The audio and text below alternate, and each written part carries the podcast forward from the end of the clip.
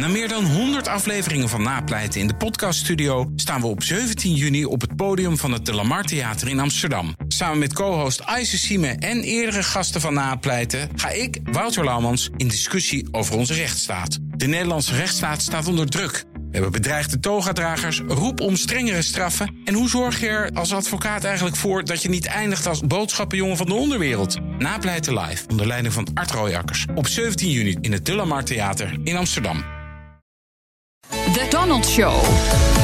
Tijd voor de United States of Trump met Amerika-watcher Jan Posma. Jan, het verlies van Roy Moore in Alabama is ook een enorm verlies voor de informele adviseur van Donald Trump, Steve Bannon. Leg uit. Ja, dat is die man hè, die, die formeel gezien nu uit het Witte Huis is en ook eigenlijk geen rol meer heeft, maar informeel nog wel heel regelmatig met Trump belt. En ze schijnen elke week eh, toch meerdere malen met elkaar in de telefoon eh, te hangen. En de vraag die nu een beetje in dat Witte Huis zo rondspookt: van wie geeft Trump de schuld? En Bannon is de man die Trump naar Roy Moore heeft geleid. En, en, dat is nu dus mislukt. En Trump houdt niet van verliezen.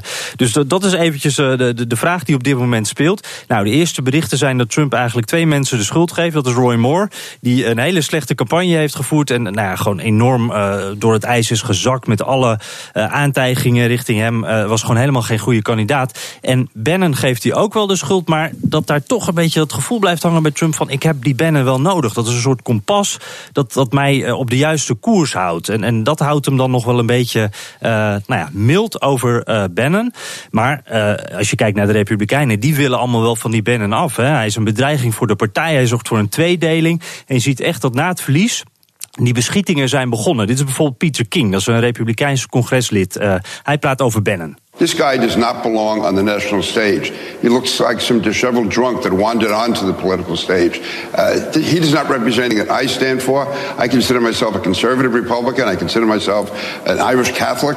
And he sort of parades himself out there with his weird. Uh, alt-right views that he has. And to me, it's demeaning the whole governmental and political process. Ja, die man die is uh, gewoon boos. En hij zegt, uh, die Bannon die ziet eruit als een soort verwarde dronkenlap... die hier een beetje Ja. binnen is komen lopen. Vind ik, al- ja, hij, hij schetst het beeld van een overjarige rechtse hippie. Ja, Ja. dat is ook een hele mooie omschrijving van Bannon. Want dat is hij ook wel een beetje. Ook een anarchist, hè. Nou, eh, mensen rond Bannon zeggen van... eh, eh, dit, dit stopt eh, Steve Oor- Steve's oorlog helemaal niet tegen het establishment. Dit is juist meer olie op het vuur. Oké, er speelden heel veel eh, factoren een rol daar bij die verkiezingen in Alabama.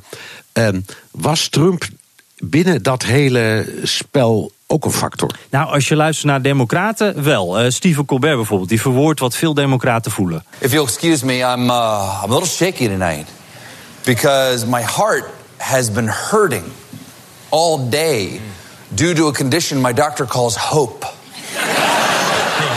I hope I'm pronouncing that correctly. I haven't. Mooi, hè? ja, hoop, eh, dat gevoel kennen die niet meer.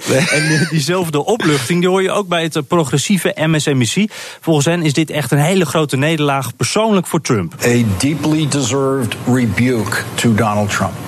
It is. It is a, a big smackdown to Donald Trump, indeed. Ja, maar als je dan naar Fox News kijkt, dan zie je weer heel wat anders. Eh, eh, ja, daar hebben ze toch vooral over die aantijgingen die Roy Moore kreeg van die vrouwen.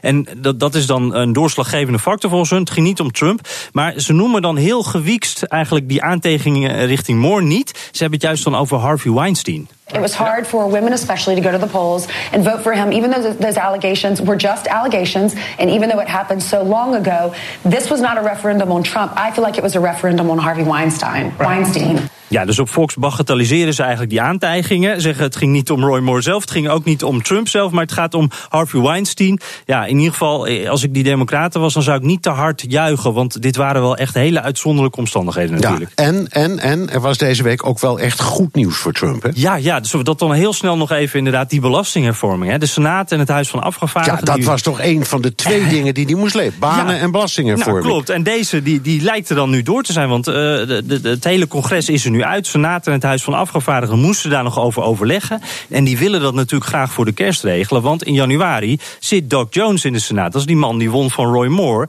Hebben de Republikeinen dus één zeteltje minder. Nou, vicepresident Mike Pence die stelt nu zijn reis naar Israël uit. Zodat hij bij die stemming kan zijn. Die moet volgende week al plaatsvinden. Nou, en als dat lukt, dan eh, ja, volgende week de vlag uit. Spannend. Dankjewel. Amerika-watcher Jan Posma. Ook Harm Edens vind je in de BNR-app. Je kunt BNR Duurzaam niet alleen live luisteren in de app, maar ook terugluisteren als podcast, zoals al onze podcasts. En naast dat de BNR-app Breaking News meldt, houden we je ook op de hoogte van het laatste zakelijke nieuws. Download nu de gratis BNR-app en blijf scherp.